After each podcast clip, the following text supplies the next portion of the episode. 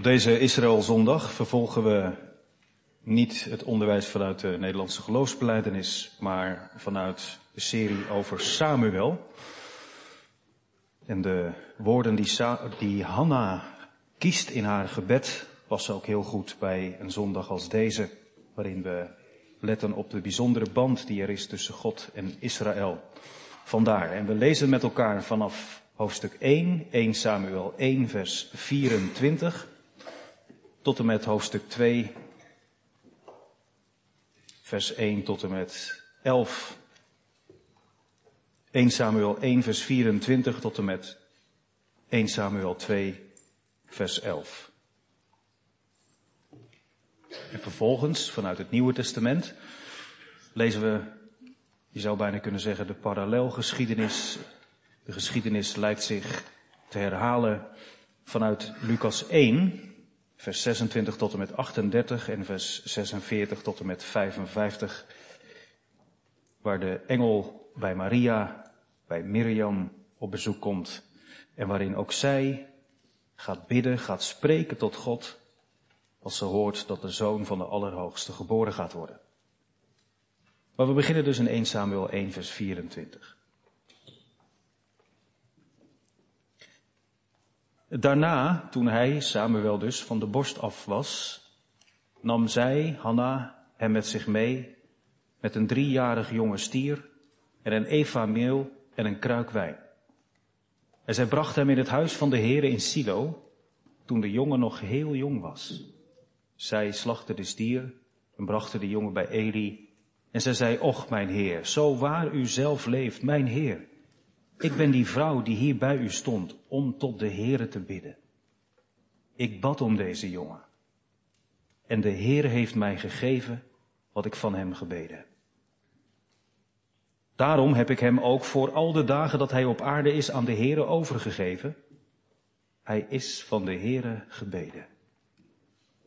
En hij boog zich daar voor de Heere neer. Toen bad Hanna en zei, mijn hart springt op van vreugde in de Heere.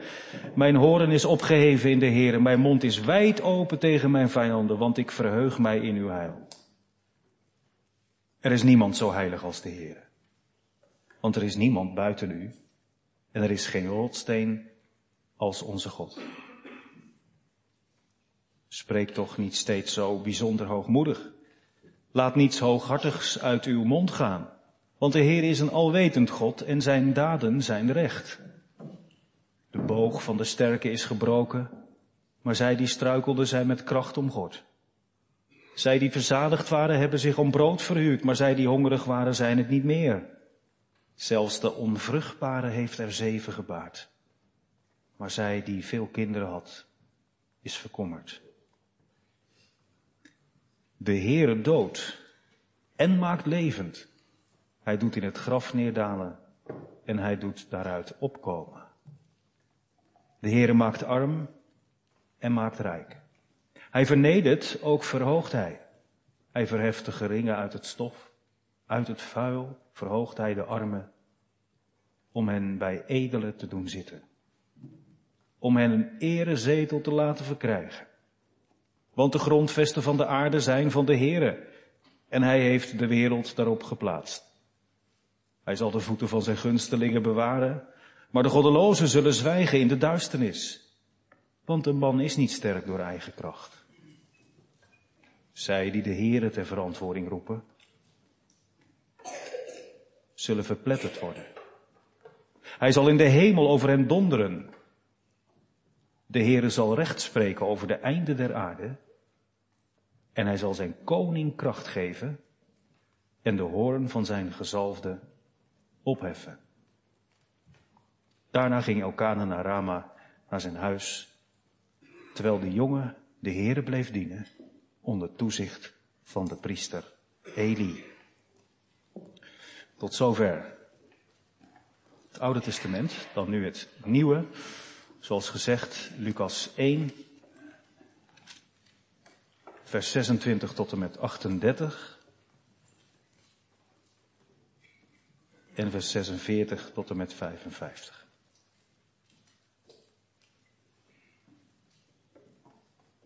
Lucas 1 vanaf vers 26. In de zesde maand werd de, Gabriel, werd de engel Gabriel door God gezonden naar een stad in Galilea waarvan de naam Nazareth was. Naar een maagd die ondertrouwd was met een man, van wie de naam Jozef was, uit het huis van David. En de naam van de maagd was Maria. En toen de engel bij haar binnengekomen was, zei hij, wees gegroet, begenadigde, de Heere is met u. U bent gezegend onder de vrouwen. Toen zij hem zag, raakte zij in verwarring door zijn woorden en zij vroeg zich af wat de betekenis van die groet kon zijn. En de engel zei tegen haar, wees niet bevreesd, Maria, want u hebt genade gevonden bij God. En zie, u zult zwanger worden en een zoon baren. En u zult hem de naam Jezus geven. Hij zal groot zijn en de zoon van de Allerhoogste genoemd worden. En God, de Heere, zal hem de troon van zijn vader David geven. En hij zal over het huis van Jacob koning zijn tot in eeuwigheid. En aan zijn koninkrijk zal geen einde komen. Maria zei tegen de engel, hoe zal dat mogelijk zijn? Aangezien ik geen gemeenschap heb met een man. En de engel antwoordde en zei tegen haar, de Heilige Geest zal over u komen en de kracht van de Allerhoogste zal u overschaduwen. Daarom ook zal het heilige dat uit u geboren zal worden Gods zoon genoemd worden. En zie, uw nicht Elisabeth is eveneens zwanger van een zoon in haar ouderdom. Dit is de zesde maand voor haar, die onvruchtbaar genoemd werd. Want geen ding zal bij God onmogelijk zijn. En Maria zei, zie de dienares van de Heere, laat met mij geschieden, overeenkomstig uw woord. En de engel ging van haar weg. En dan vanaf vers 46. En Maria zei, mijn ziel maakt de Heere groot en mijn geest verheugt zich in God mijn zaligmaker, omdat hij heeft omgezien naar de nederige staat van zijn dienares. Want zie, van nu aan zullen alle geslachten mij zalig spreken. Want hij die machtig is, heeft grote dingen aan mij gedaan en heilig is zijn naam. En zijn barmhartigheid is van geslacht tot geslacht over hen die hem vrezen. Hij heeft een krachtig werk gedaan door zijn arm. Hij heeft hen die hoogmoedig zijn in de gedachten van hun hart uiteengedreven. Hij heeft machtigen van de troon gestoten en nederigen heeft hij verhoogd. Hongerigen heeft hij met goede gaven verzadigd en rijken heeft hij met lege handen weggezonden. Hij heeft het opgenomen voor Israël, zijn knecht, door aan zijn barmhartigheid te denken. Zoals hij gesproken heeft tot onze vaderen, tot Abraham en zijn nageslacht, tot in eeuwigheid. Tot zover de woorden van Maria. Voor de liefhebbers van uh, de psalmen, in het bijzonder van de berijming die wij in onze diensten zingen, zou u eens willen overwegen hoe lang het geleden was dat u deze psalm hebt opgegeven, in de auto hebt gezongen, hebt meegezongen met een koor. Misschien is het goed om eens te overwegen, als u van de psalmen houdt, of ze dat dan ook allemaal zijn en of u weet wat u hebt gezongen. Voor degenen die liever liederen hebben, mooie gezangen, die zouden zich ook eens de vraag kunnen stellen, de taal, even los van de vertaling, maar de inhoud, het beeld wat van God geschetst wordt, kom ik dat nou ook in die liederen tegen of is het toch wel een iets andere toon die de muziek maakt als uh, in Psalm 2? Schoon naar beide kanten is kritisch kijken van hoe gaat het nou eigenlijk aan toe? Ik zal er straks nog even op terugkomen voor degenen die dat wat cryptisch vinden. Maar dat kan bijna niet zo blijven gaan de weg te preek, want Hanna die, uh, die laat ons toch wel iets van God zien waar we het echt over moeten hebben met elkaar en waar de Heer het met ons over wil hebben in de verkondiging van het woord. We staan met elkaar stil bij het tweede deel van het gebed van Hanna, vers 6 tot en met 10 uit hoofdstuk 2 van 1 Samuel. 1 Samuel 2, vers 6 tot en met 10. Ik ga ze niet meer lezen, maar ik heb wel voor u het thema van de preek en drie lijnen die we met elkaar gaan trekken. Het thema is bidden met Hanna. Tussen haakjes heb ik daar achter gezet. En Mirjam. Dan verwijs ik naar Lucas 1. Bidden met Hanna en met Mirjam, want ook zij spreekt soortgelijke woorden. En we letten op drie lijnen allereerst. Dat zijn allemaal wel grote woorden bij een kleine jongen. Ten tweede zijn het verpletterende woorden over een grote God. En ten derde is er een biddend uitzien naar de gezalfde rechter. Bidden met Hanna en Mirjam, grote woorden bij een kleine jongen. Verpletterende woorden over een grote God. Biddend uitzien naar de gezalfde rechter. Ja, geliefde gemeente, jong en oud. Ik zie haar staan en samen wel knielen. Dat is het moment waarop Hanna begon te bidden. Samuel, een jaar of drie, vier, knielt in de tent van God in Silo. En op dat moment, als ze haar jongen bij de tent heeft gebracht en dat ventje door de knieën gaat in aanbidding, zich klein maakt voor God, dan breekt het los. Ja, wat eigenlijk? Wat een grote woorden. Vorige keer hebben we gehoord over de vreugde die er is bij Hanna. Dat ze triomfantelijk haar mond wijd open doet tegenover haar vijanden. Ze zegt tegen God, niemand is zo heilig als de Heere. Er is geen andere rotsteen dan onze God. En ze neemt in haar gebed mee de waarschuwing voor hen die haar horen bidden. Let op, spreek niet zomaar bijzonder hoogmoedig, laat niets hooghartigs uit uw mond komen. God is alwetend. Zijn daden zijn recht. Dat wil zeggen betrouwbaar. God gaat geen kromme wegen. Je weet altijd bij hem waar je aan toe bent. Geen kleine letters in het plan met, van God met Israël en de wereld. En voor degenen die het tegen God opnemen, hun sterke bogen worden gebroken. Maar degenen die struikelen en op eigen kracht niets kunnen, die gaat God versterken. Nou, zomaar een paar dingen uit het eerste deel van vorige keer uit de lofzang van Hanna. En dan is ze goed op stoom gekomen, want in vers 6 gaat ze door. De Heere maakt dood en levend.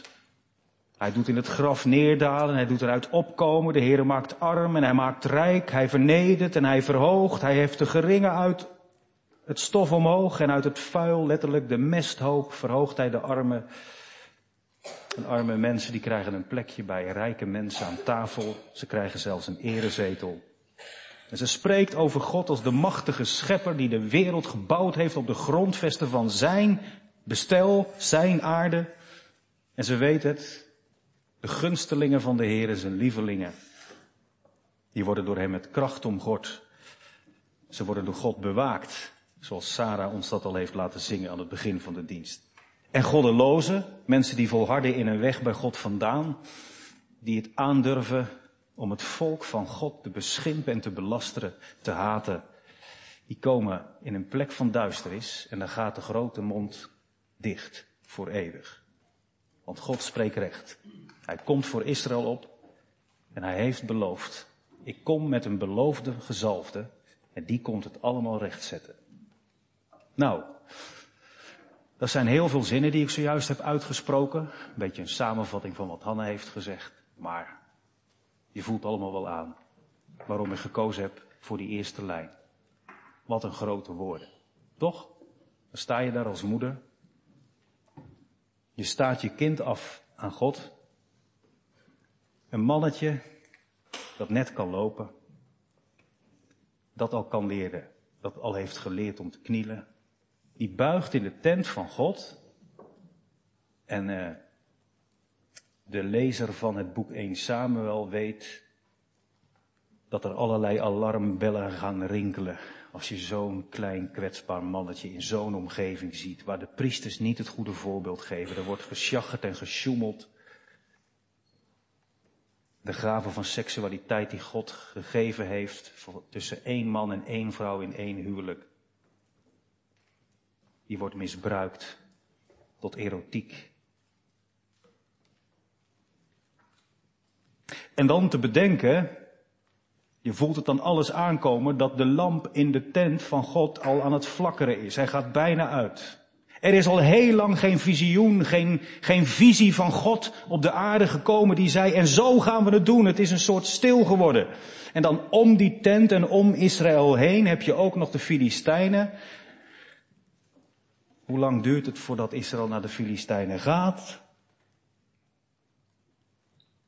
Het enige wat je ziet is het jochie dat God jou heeft beloofd en je hebt gezegd, Heere God, als ik hem van u krijg, dan geef ik hem terug met dat als doel. Hij is een aan u toegewijd kind.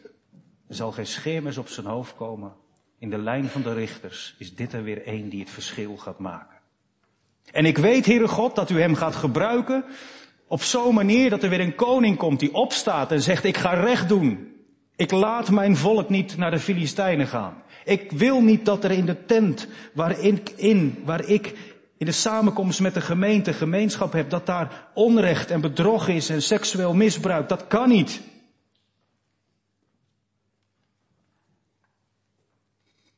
Ja. Ja, mama, heeft Samuel misschien wel gezegd. U kunt mooi bidden. Grote woorden bij een kleine jongen. Misschien hoor je jezelf ook wel eens bidden. Als je bidt voor de beloften van God die er liggen voor Israël. En je hoort hier en daar, en je leest het ook in de media, allerlei kritische geluiden over het Israël van vandaag. En je kijkt in je eigen persoonlijk leven.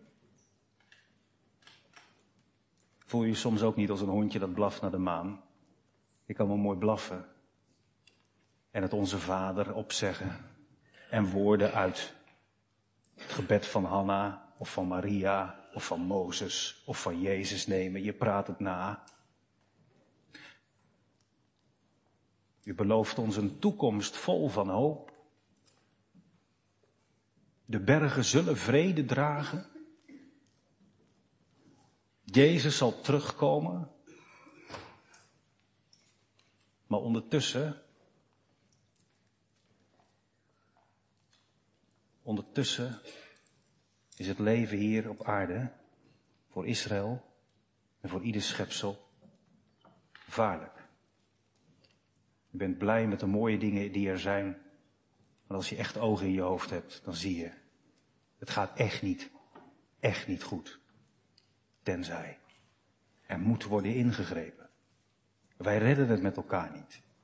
Israël niet, kerk niet, wij redden het klimaat niet, met elkaar. Het zit eraan te komen. Een hele grote climax. Er zal er ooit een op gaan staan die zegt, ik ben het. En iedereen tuint erin. Nou ja, iedereen. Velen zullen worden verleid. En dat staat allemaal nog te gebeuren. Zijn wij dan, als we met Hanna meebidden, en met de psalmen uit het Oude Testament meezingen. Soms niet van die kleine jochies meisjes. Grote woorden. Maar wat blijkt ervan? Hanna heeft het in haar leven niet uitzien komen. Ja, ik weet niet hoe, of ze het allemaal heeft meegemaakt. Ik zou dat nog eens na moeten zoeken. Kijk, dat zijn van die dingen, die moet ik eigenlijk niet tijdens de preekziende beantwoorden, maar bij de voorbereiding. Maar je kan bij de voorbereiding ook niet overal aan denken, maar nou, misschien een goede opdracht voor u. Hoe oud is Hanna geworden? Heeft ze het meegemaakt dat uh, David uiteindelijk op de troon kwam? Ze heeft misschien de adem ingehouden. Ze heeft het hier geloofd. Zij zegt het straks ook in vers 10. God gaat met die gezalfde koning komen. Hij gaat ons kracht geven. Maar was het hem dan? Was het hem dat echt? David? Saul? Saul viel tegen. David wat beter, maar oud geworden zijnde was hij het zat. Hij was wel klaar hier op aarde. En wat is nou zijn erfenis? Hij mocht het huis van God niet bouwen. Maar gelukkig, daar had je de koning van de vrede, de koning van de wijsheid, Salomo. Jongen, jongen. Ja, zegt dat wel. Een onwijs aantal vrouwen, in meerdere opzichten onwijs. Toch zichzelf overschat. Nou moet ik doorgaan. tot en met de tijd van Malachi. En dan 400 jaar stil. Zingen over God die van alles gaat doen. Die het echt anders gaat doen. Nou, er zijn er nog een paar vlak voor Jezus geboorte die het zijn blijven hopen. Er is altijd een overblijfsel in Israël geweest. Tot en met de dag van vandaag. De Godvrezende. Maar die zijn er ook in de christelijke gemeente. Die het hoofd niet kunnen laten hangen. Die zeggen, ik ben dan wel klein en ellendig in mezelf. Maar ik heb een meester die heeft gezegd, zalig ben je als je arm bent van geest, want het komt goed. Als de mensen je verdrukken en vernederen, als je denkt het gaat niet de goede kant op, zeker wel, mijn koninkrijk komt met kracht. Maar dat was in de tijd ook van Elisabeth en Zacharias. Toen kwam daar een engel uit de hemel. Na zoveel jaren waarvan er hele grote woorden in de lucht waren blijven hangen. Hier en daar een glimpje, maar het brak maar niet door. En toen uiteindelijk kwam daar Jezus ter sprake. De zoon van de Allerhoogste Maria, die zul jij gaan dragen. En hij zal op de troon van zijn vader David gaan zitten. En hij zal over het rijk van David, van Jacob, eeuwig koning worden. En ze baarden hem en verwonderd legden ze hem in Migdal Eder bij de schaapstoren. En ze zag al iets van de glans van zijn overwinning, maar oh wat ging er een zwaard door haar ziel toen ze stond onder het kruis. Toen hij de geest gaf. Haar jongen. Gods jongen. Israëls oudste broer. Toch weer mis. Is dit hem dan ook niet? Maar gelukkig. Daar juicht een toon. Daar klinkt een stem. Die heeft geklonken in Jeruzalem. Het is volbracht, hij is opgestaan. Maar ging die me toch even naar huis? Veel te vroeg. Waar is nou het koninkrijk, heren? Ziet u die hele lijn door heel de Bijbel, grote woorden van kleine mensen. Bij een zaligmaker, bij een redder, bij een Messias, waarvan iedereen dacht dat hij het grote verschil kwam maken. Het op zou nemen voor het onrecht dat Israël werd aangedaan. En hier in de gemeente zou je kunnen denken, Heer Jezus, u bent overwinnaar. Maar er is nog zoveel dat me angst aanjaagt. Ben ik echt van alle heerschappij van de Satan verlost? Het voelt soms zo anders. Dan loont het, geliefde gemeente, als je ziet dat die lijn van Hanna naar Maria, van Samuel naar, via David naar Jezus, een lijn is die alles met je leven te maken heeft. Hoor er nou eens bidden. Wie heeft gezegd dat dat niet mag? Ik vond het zo mooi, hè, in dat uh, berijmde vers van Psalm 75. Geen geval, geen gebeurtenis. En al helemaal geen toeval. Geen zorgen, hoor je het? Geen listen. Het zit al een beetje dat geniepige van het onrecht in, hè? Oost nog west. En voor Israël overduidelijk. Ook die zandwoestijn. Waar het allemaal leek op te drogen. Waar Mozes is begraven. Waar het beloofde land zo vaak zo ver weg leek. En waar het volk heel vaak had gedacht, we gaan weer terug. Liever in de slavernij van Egypte dan met onze God in de woestijn. Urenlang, ellenlang, droog, droog, droog, komen we er wel. En toch, dat alles, dan dat zinnetje, doet ons meer of minder zijn. De omstandigheden bepalen niet of ik groot ben of dat ik klein ben. Alles wat Israël tot op de dag van vandaag heeft meegemaakt. Alles wat ik moet meemaken. Die omstandigheden bepalen niet of ik het geloven kan. Al de generaties door, van gemeente op gemeente, van geslacht op geslacht, is dit woord doorgegeven. Wij dienen een God. En zijn naam is Heere. En als Hij als rechter mij in het oog houdt, dan weet ik, bij Hem liggen de beslissingen. Ik kan het soms niet volgen. Heere God, Holocaust. Heere God, de ellende in de grote conflicten in de wereld, ziet u het dan niet? In het groot en in het klein, maar wat is groot? En wat is klein? Als kinderen in de moederschoot geen bestaanszekerheid hebben. Vanwege de keuze van een volwassene. O God, we voelen ons klein. Maar u bent de voogd. De, we, de voogd die de wezen en de verdrukte en de armen als rechter in het gelijk gaat stellen. En dan ben ik bij de tweede gedachte gemeente.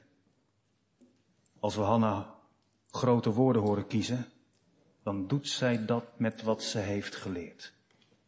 Sommige mensen denken misschien, ja, maar dat was een bijzonder vrouwtje. Wat die allemaal had doorgemaakt en meegemaakt. Zo heb ik er ook al preken over gehoord, waarbij ik me dan maar in alle bescheidenheid afvraag, zou ze zich hebben herkend in die preken? Misschien dacht zij ook wel, dat is een bijzonder vrouwtje, dat ben ik niet. Er staan gewoon mensen van vlees en bloed in de Bijbel beschreven gemeente, maar die grote dingen zeggen, omdat het ze is aangeleerd. Als je terug zou bladeren, dat moet u nu maar niet doen, eh, om de rust wat te bewaren misschien, of u moet zich eh, goed kunnen concentreren en meerdere dingen tegelijk kunnen doen. Maar u moet thuis maar eens nalezen Exodus 15 en Deuteronomium 32 en ergens in Richteren vindt u ook nog het lied van Deborah. Drie bestaande liederen die Hanna overgedragen heeft gekregen. Dat heeft ze als jong meisje geleerd van mannen, mensen die woorden in de mond nemen. Als God is een strijder, God duldt het kwaad niet. De grote majesteit van God, die werpt er neer die zich tegen hem in het verweer brengen. Hij doet wonderen. Hij alleen. Maar, het neemt niet weg gemeente, en dat is het tweede lijn, dat het ook wel verpletterende woorden zijn die ze kiest. Vindt u niet?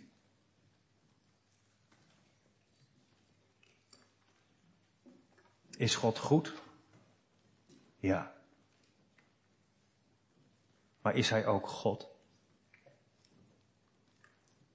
In de woorden die wij kiezen in het gebed, in het ontzag dat wij hebben, zichtbaar voor Hem, als we tot Hem naderen, als we met Hem leven, Mag ik daar eens even de vinger bij leggen?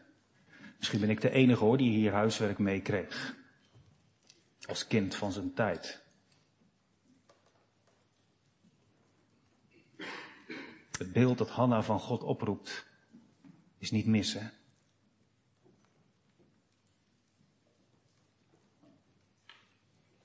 Kijk, als ik roep, de Heere maakt levend, dan zeggen we allemaal amen. Maar als we zeggen de Heere dood ook.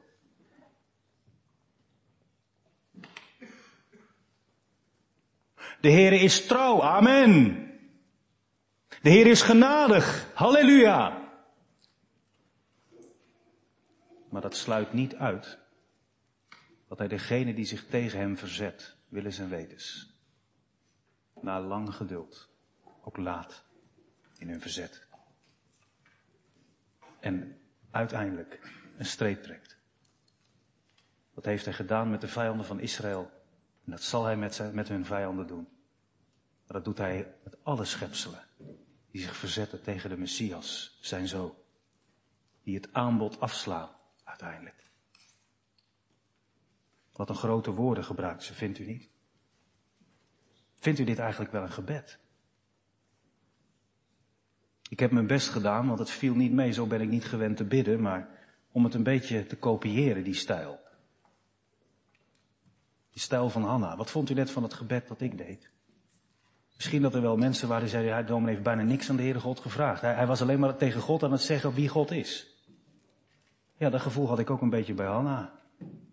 U bent dit en u doet dat en u bent zus en u doet zo. Is dat nou bidden? Ons bidden is vaak, uh, Wilt u dit en wilt u dat niet en mag ik zus en mag ik zo en... Soms kan bidden ook heel erg behulpzaam zijn als je de woorden van de Bijbel die je aangeleerd hebt ook weer toepast op God. Dat bidden niet alleen maar vragen is. En dat aanbidding ook niet alleen maar is, ik vind u zo goed, maar dat je de eigenschappen van God ook weer eens de revue laat passeren. Zodat het je aanmoedigt en ook op scherp zet. Wij hebben het met onze God, met de God van Israël, zei ik in het gebed al niet zomaar over een, over, over een, uh, over een vriendje of zo. Een van de beste soort van mensen die er ooit bestaan heeft. Nee, dat is Jezus niet en dat is God niet. Ze zijn God van een andere orde.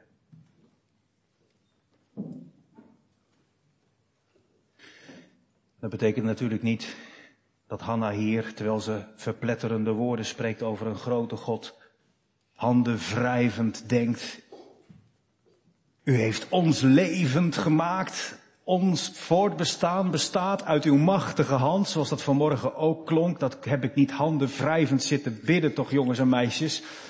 Lekker peu. Die Egyptenaren, die heeft God allemaal verdronken. Die zijn niet verdronken, dat heeft God gedaan. Maar Israël is daar gelukkig droogvoets doorgegaan. Ja, natuurlijk, dat laatste is wel waar. Gelukkig droogvoets, maar eerlijk is eerlijk. Wie in Israël komt, komt aan God. Wie Gods heiligheid door het slijk haalt, krijgt hem tegen. Dat betekent niet dat God de ene dag genadig is en de andere dag niet. Hij is de ene betrouwbare God. Verpletterende woorden. Gemeente, laatst moest ik ergens op verzoek een lezing houden. Ik ben daar de laatste tijd wat uh, selectiever in geworden. Ik kan niet overal op ingaan. Soms lijkt het ook wel alsof ze, als je eenmaal een beetje doorhebben als spreker, denken, nou we geven hem die thema's die hem op het lijf geschreven staan. Nou dat is wel eerlijk, want ik ben geen alleskunner en ook geen groot theoloog. Dus daar waar je al het meeste over hebt gelezen, kun je dan het beste wat over zeggen. Maar soms denk je dan ook weer, nee laat maar, dat heb ik al eens gedaan. Dat kunnen ook anderen wel doen. Totdat ik het verzoek kreeg, wilt u eens komen praten over de toren van God? Ik denk, ja, wanneer heb ik daar nou voor het laatst over gesproken? Wanneer heb ik dat nou ook voor het laatst gethematiseerd? Heel op de achtergrond doet dat mee en hier en daar wordt het benoemd, maar ik heb het altijd veel meer over de liefde. Nou, ik kwam daar en degene die de avond opende, die zei, normaal gesproken als er een thema is voor een jongerenavond, dan ben ik altijd heel lang aan het bladeren in het boek van de psalmen om er iets bij te vinden wat past. En dan kan ik uit legio liederen kiezen die precies gaan over de thema's die voor onze jeugd belangrijk is. En zeg maar bij dit thema, de toren van God. Bij alle bekende gouden oude opwekkingsliederen, de toren van God. We moeten eens gaan zingen vanavond over de toren van God. Hebben wij eigenlijk wel liederen die daar nog over gaan? Hij zei in het boek van de psalmen, ik kreeg keuzestress.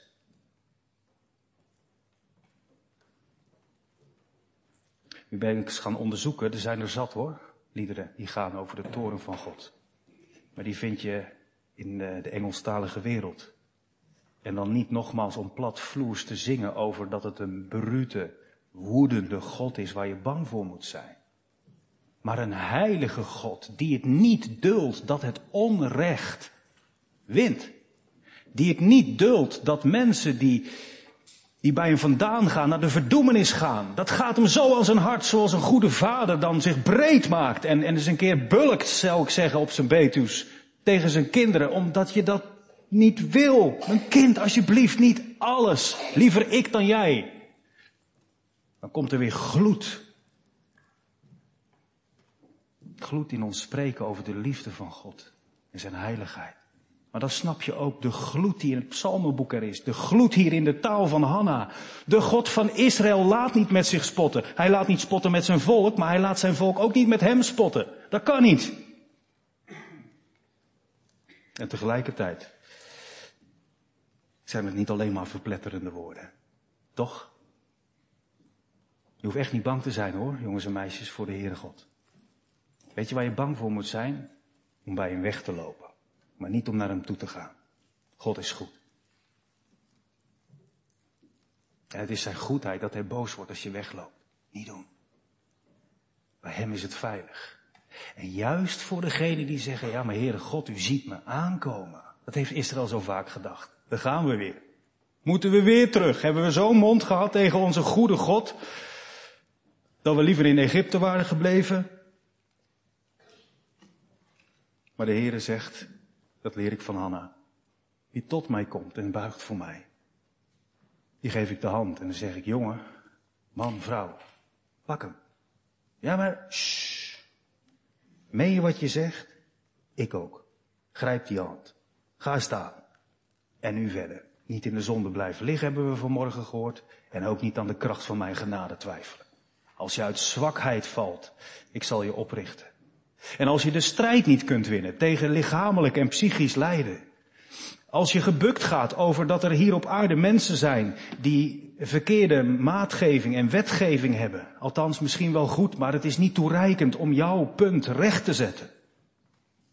Let erop, ik ben een God die juist degene die vertrapt worden, die veracht worden, de hand biedt. Hij vernedert en hij verhoogt. Mensen die op de mesthoop zitten, zegt Hanna, de geringe, hij verheft ze uit het vuil. Hij verhoogt de armen. Dat zijn verpletterende woorden over een grote God. Voor degene die onrecht hebben gedaan. Zo zal het zijn voor Israël.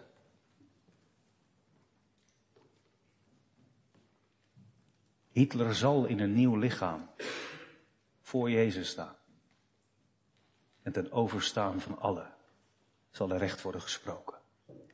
Zo makkelijk kwam hij er niet mee weg, daar in Berlijn. Dacht hij wel. De vele demagogen. En de vele kinderverkrachters. En de incestdaders. Die geen berouw hebben getoond en geen vergeving wilden ontvangen. Die er dachten mee weg te komen. Die onschuldig als slachtoffer. Met leugen en gedraai. Hebben misbruikt zonder ze met een vinger aan te raken. Daar gaat God op terugkomen.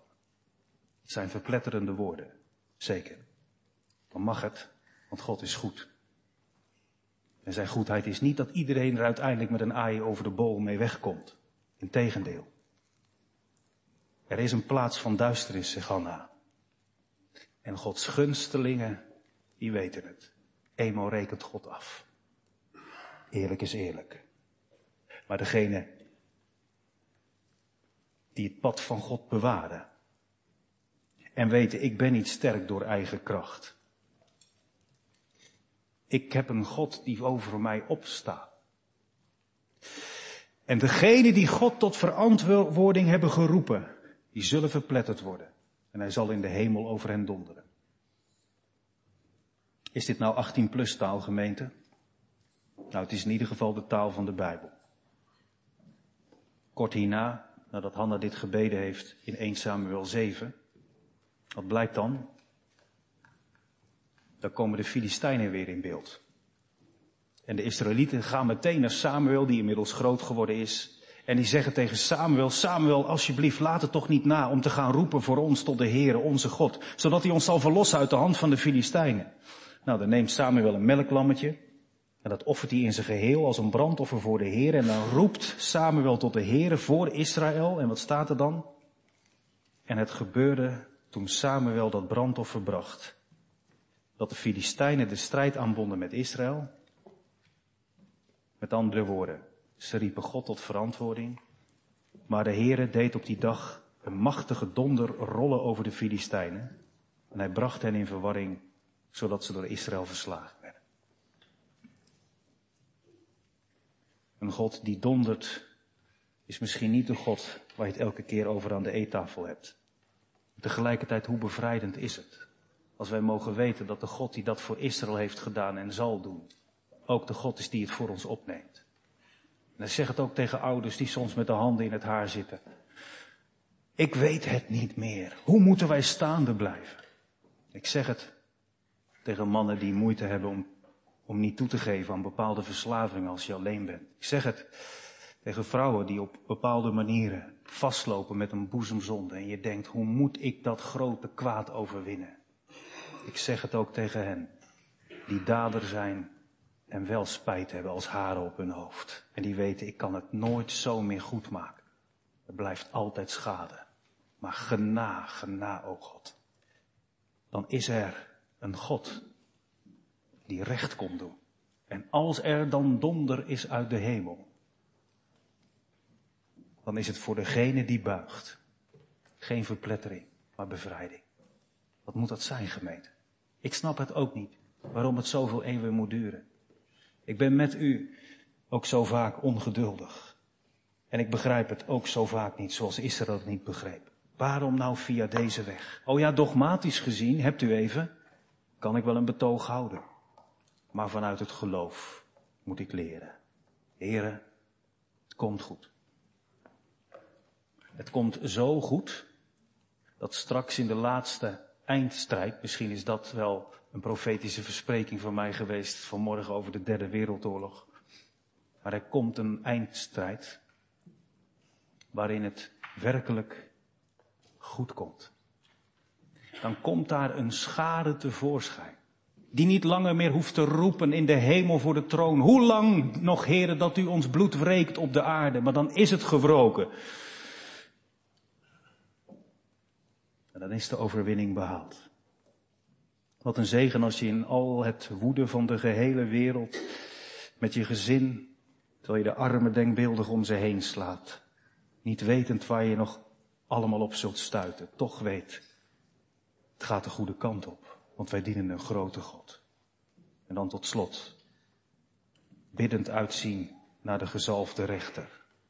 Hoe dat dan, Hanna? Nou, de Heere zal recht spreken, zegt ze. Zie nog even voor je, jongetje van vier jaar, priester die opgebrand is, zonen die niet deugen, Filistijnen die veel sterker lijken dan het volk Israël ooit waar kan maken. Mooi hoor, dat hij zal komen. En fijn dat wij weten dat het kort daarna gebeurd is. Maar dat is het einde niet, hè. Want de Filistijnen zijn later weer opgedoken. En de Duitsers moesten nog komen. En toch, deze Israël zondag hoor ik dat Hanna zegt. Met de geknielde Samuel aan de voeten. Terwijl Eli de hoofdschuddend bijstaat. De Heere zal recht spreken over de einde van de aarde. Niet alleen over Israël, maar over alle volken. En hij zal zijn koning kracht geven. Ja, zegt iemand, waarom hebt u dan dat punt niet genoemd, biddend uitzien naar de gezalfde koning?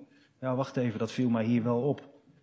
In vers 10, het tweede gedeelte, gaat het recht spreken voorop. De Heere zal recht spreken over de einde der aarde. En hij zal zijn koning kracht geven. Nou, die koning is gekomen hoor. De koning van de Joden. De grote zoon van David. En er is recht gesproken. Wat zegt u? Ja. Op zo'n wonderlijke manier. De onschuldige ging aan het kruis. En de schuldige werd bevrijd. Maar dat was niet alles. Johannes de Doper heeft het nog een keer gesnikt vlak voordat zijn hoofd eraf ging. Bent u het? Die komen zou? Of verwachten wij een ander? Inmiddels weet hij beter. En ook hij zal recht worden gedaan, hem. Hij zal met een nieuw hoofd en een nieuw lichaam er ook staan hoor. Die grote doper. Maar hij begreep het niet. Hij zag wel dat Jezus de arm het evangelie verkondigde. Hij zag wel dat Jezus de Messias was, want hij zag iets van het lijden van de knecht. Maar al dat andere wat in het Oude Testament lijkt alsof het op één dag, of in ieder geval in één tijdsbestek gebeurt, dat staat nog uit. Jeremia, Jezaja, Ezekiel. Dat hij op de troon van vader David gaat zitten. Dat de wapens worden omgesneed tot ploegscharen. Een tijd van vrede. Dat was David niet. En zelfs Salomo niet. Maar dat is Jezus wel. En die gezalfde heeft een kracht waar iedereen voor zal buigen, gemeente. Ik zit tot slot nog met één ding. En misschien herkent u dat. Heb ik de kinderen nou genoeg recht gedaan? Niet omdat ik misschien iets minder dan, dan anders eh, jongens en meisjes heb gezegd en jullie aangekeken en een verhaal of een voorbeeld heb verteld, maar ik maak me wel een beetje bezorgd. Ik weet ook van een kind dat op de school had gehoord hè, dat er dan een, een, een juf vast met alle goede bedoelingen niet wetend wat de context dan is, hè, dat weet je als ouder niet, maar dat de juf het had over dat er mensen zullen zijn die, die bidden, bergen valt op ons en heuvels bedekt ons en dat kind kon niet meer slapen. Ik wil niet dat jullie niet, niet kunnen slapen na deze preek. Dat vind ik niet goed, dat is geen goede verkondiging. Ik wil dat jullie rustig kunnen gaan slapen. En daarom eindig ik de preek heel speciaal voor jullie jongens en meisjes. Heb je het een beetje begrepen als ik zei dat de Heere God soms ook boos kan zijn? Waarom zou hij dat doen? Omdat hij van je houdt. Is het eerlijk dat als God zegt, ik heb gekozen voor dat volk Israël en als mensen er ook maar met een vinger aan wijzen, dan wijzen ze naar mij. En dan kom ik voor ze op, toch? Weet je nog dat ik dat voorbeeld gebruikte, dat ze mijn moeder dik noemde? Nou, dan als kind, dan ga je er toch staan en dan zeg je, hou! Ik deed nog iets anders, maar dan kom je toch voorop. Dat doet de Heere God. Ja, maar misschien zeg je dan vanavond wel, als je nog eens alles na zit te denken, ja, Israël, dat weet ik allemaal niet, maar ik, ik, ik doe ook wel eens verkeerde dingen. Moet je dan bang zijn voor God? Dat hoeft niet. Want als jij weet dat je verkeerde dingen hebt gedaan, weet je wat je dan moet doen? Heel hard naar de Heere God toe rennen. Ja, je begrijpt wel wat ik bedoel, hè? Niet met een trap omhoog. Die trappen die wij hebben, die ladders die zijn te kort om bij hem te komen. Maar de Heere God zegt, vouw je handen maar. Doe je ogen maar dicht. Of doe ze open, kijk omhoog, hef je handen naar omhoog. En zeg het maar. Heere God, ik heb verkeerde dingen gedaan. Maar ik weet dat de Heer Jezus is gekomen. En dat Hij aan het kruis heeft gehangen, zodat ik weet dat ik vandaag rustig kan slapen. Weet je nog? De Heere is mijn herder. En die herder, die wordt woest als ze aan zijn schapen komen. Maar wat heb jij vanmorgen gehoord? Jij bent een schaap. Schaap van de kudde. En al ben je het schaap met het bekende vijfde pootje, of al ben je het zwarte schaap. Wie Jezus dient, die hoeft niet bang te zijn als hij terugkomt. Dan word je niet verpletterd. Maar dan mag je uitzien. Ook voor je eigen zonde en ellende. Heer Jezus, kom toch haastig terug. En laat het toch over zijn met dat wat ik niet meer wil. Dat wat ik echt niet meer wil en toch soms doe. Dat ik niet meer hoef te zeggen, wat een ellende. Maar dat ik weet, wat een feest. Eeuwig gelukkig. Denk daar maar aan. Bid daarom. Bid zo. En ga maar rustig slapen vanavond. Want Jezus komt. En voor wie hem verwacht, die mag hem vertrouwen. Hij is onze redder. Amen.